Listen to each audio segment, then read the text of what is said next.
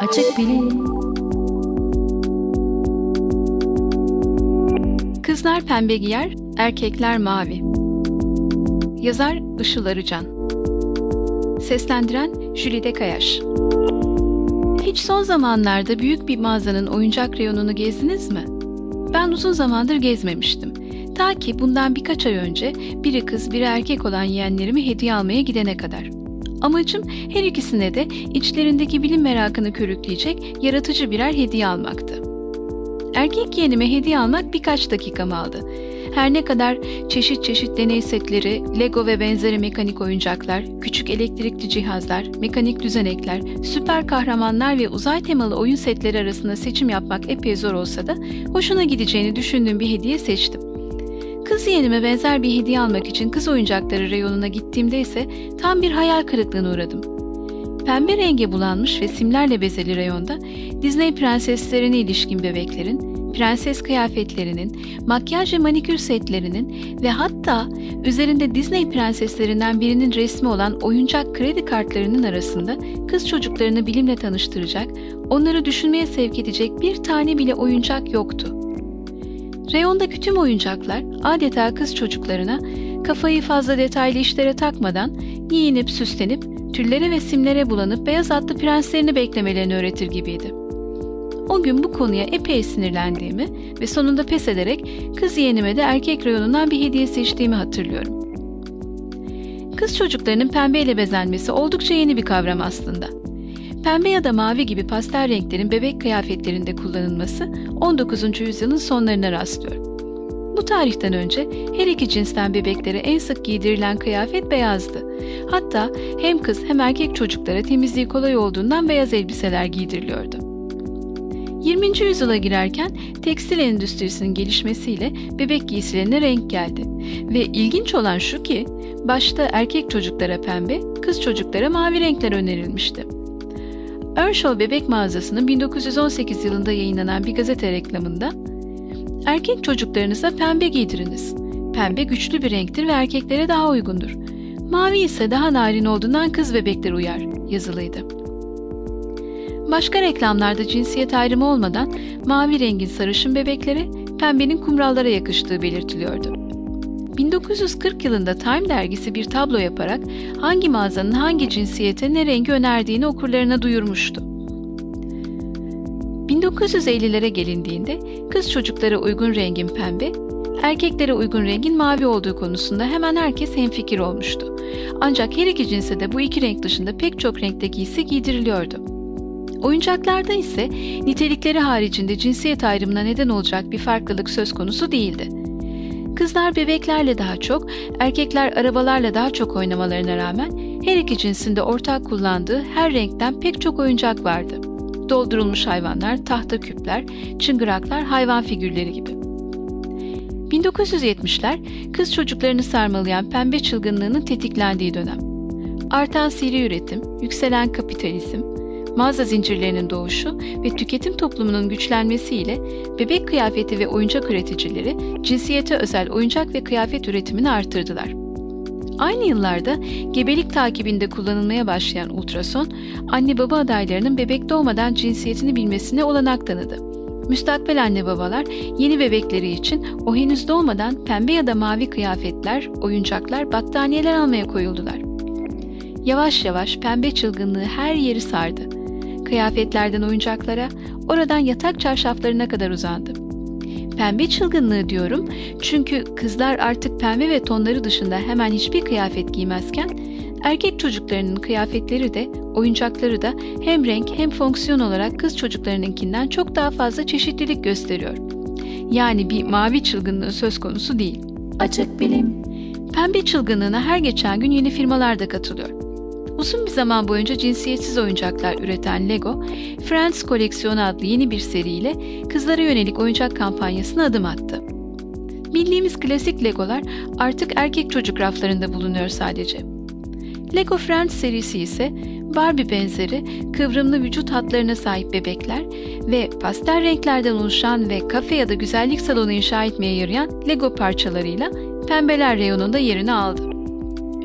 Ürünün internet sitesindeki reklamındaki sanal şehrin asfaltının bile pembe ve eflatun rengi olduğunu belirtmeden geçemeyeceğim. Çocuklardaki oyuncak tercihinin doğuştan mı yoksa çevreden mi geldiği bilim çevrelerinde bir tartışma konusu.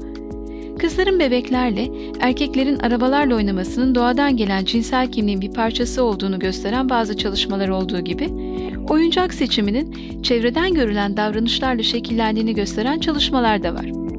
Sonuçta nedeni ister genetik, ister öğretilmiş davranışlar olsun, erkek çocuklar daha çok mekanik oyuncaklarla oynamayı severken, kız çocuklar üzerine hikaye anlatabilecekleri bebeklerle oynamayı tercih ediyorlar. Ancak yine çalışmalar gösteriyor ki, sağlıklı bir psikolojik gelişim için her iki cinsinde bebeklerden arabalara, doldurulmuş ayıcıklardan legolara kadar her tür oyuncakla oynaması, hatta bu oyuncaklarla birlikte oynaması gerekiyor.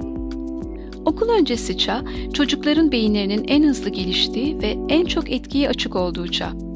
Bu dönemde yaşanan her deneyim, her aktivite belirli sinir bağlantılarını güçlendirirken belirli bağlantıları zayıflatıyor.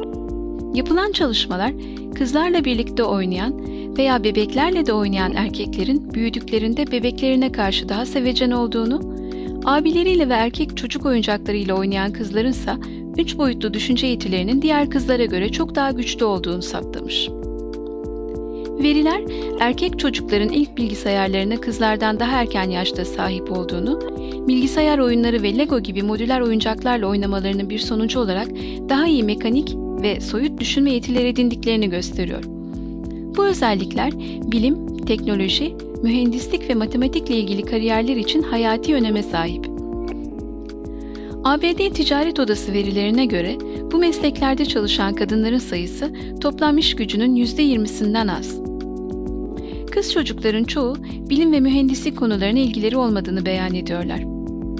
Amerika Kalite Topluluğu'nun 2009'da gençler üzerinde yaptığı araştırmada erkeklerin %25'ine karşılık kızların sadece %5'i mühendislik kariyeriyle ilgilendiklerini beyan etmişler. Bir başka güncel ankete göre üniversiteye gitmeyi planlayan 13-17 yaş erkek çocukların %74'ü bilgisayar mühendisliğinin kendileri için iyi bir kariyer olduğu görüşünü beyan ederken kızlarda bu oran sadece %32'de kalmış. Kızlar ergenlik çağından itibaren her yaşta bilim ve matematikle daha az ilgilendiklerini ifade ediyorlar. Hatta okulda matematik dersinde çok başarılı olan kızlar bile yaşları büyüdüğünde kariyer olarak bilim veya mühendislikten ziyade sosyal bilimler alanında çalışmayı seçiyorlar. Bu durum kısmen cinsler arasındaki genetik veya doğumsal farklılıklara bağlı ortaya çıktığı kadar kısmen de kızlara dayatılan çevresel faktörlerden kaynaklanıyor. Bu çevresel faktörlerin en başta gelenlerinden biri de çocukların oynadığı oyuncaklar ve model olarak örnek aldıkları karakterler. Bilim adamları kızların sadece güzellik, bebek ve ev işleriyle kısıtlı oyuncaklara maruz kalmasının ve baskın kadın stereotipiyle büyütülmelerinin uzun vadede zararlı olduğu görüşünde. Kızlara yönelik oyuncaklar genelde kız çocuklarının bilim yerine ağırlıklı olarak dış görünüş, güzellik, kılık kıyafet ve alışverişe odaklanmalarına ve sadece bu aktivitelerle uğraşan baskın kadın prototipiyle erken yaşta özdeşleşmelerine neden oluyor. Kız çocuklarının rol modeli olarak örnek aldıkları karakterler, kendilerini kurtaracak bir prensi bekleyen, kendi inisiyatifi olmayan, dış görünüşleri dışında başka bir şeyle çok da ilgilenmeyen aciz karakterler. Bu ortam içinde büyüyen ve bu karakterleri örnek alan kız çocuklarının girişken, kendi ayaklarının üzerinde durabilen, bilim ve teknolojiye meraklı bireyler olması biraz zor görünüyor. Janet Svensson bu durumu çok güzel özetlemiş. Erkekler doktor olurken kızlar hemşire oluyor. Erkekler futbol oyuncusuyken kızlar amigoluk yapıyor. Erkekler yeni icatlar yaparken kızlar icat edilen cihazları kullanıyorlar. Erkekler tamirat yaparken kızlar bozulan şeylerin tamir edilmesini bekliyor. Erkekler cumhurbaşkanı olurken kızlara first lady'lik düşüyor. Bu durumun önüne geçmek ve kız çocuklarına bilim aşkı aşılamak o kadar da zor değil. Elbette onlar da prenseslerle ve bebeklerle zaman zaman oynamalı. Ama kimi zaman da erkek çocuklara yönelik olduğu düşünülen mekanik oyuncaklarla etkileşime geçmeli, manikür setlerini bir kenara atıp biraz da deney setleriyle oynamalı. Ya da arada Barbie'leriyle oynamaya ara verip üç boyutlu düşünce ve tasarım yetilerini geliştiren oyuncaklara yöneltilmeliler. Gelecek nesillerde Bilim ve teknolojiyle uğraşan kadın sayısını artırmak bugünkü anne ve babaların elinde. Bunu yapmanın yolu ise bilim ve teknolojiyle küçük yaşta tanışan kız çocukları yetiştirmekten geçiyor. Açık Bilim Nisan 2012 6. sayı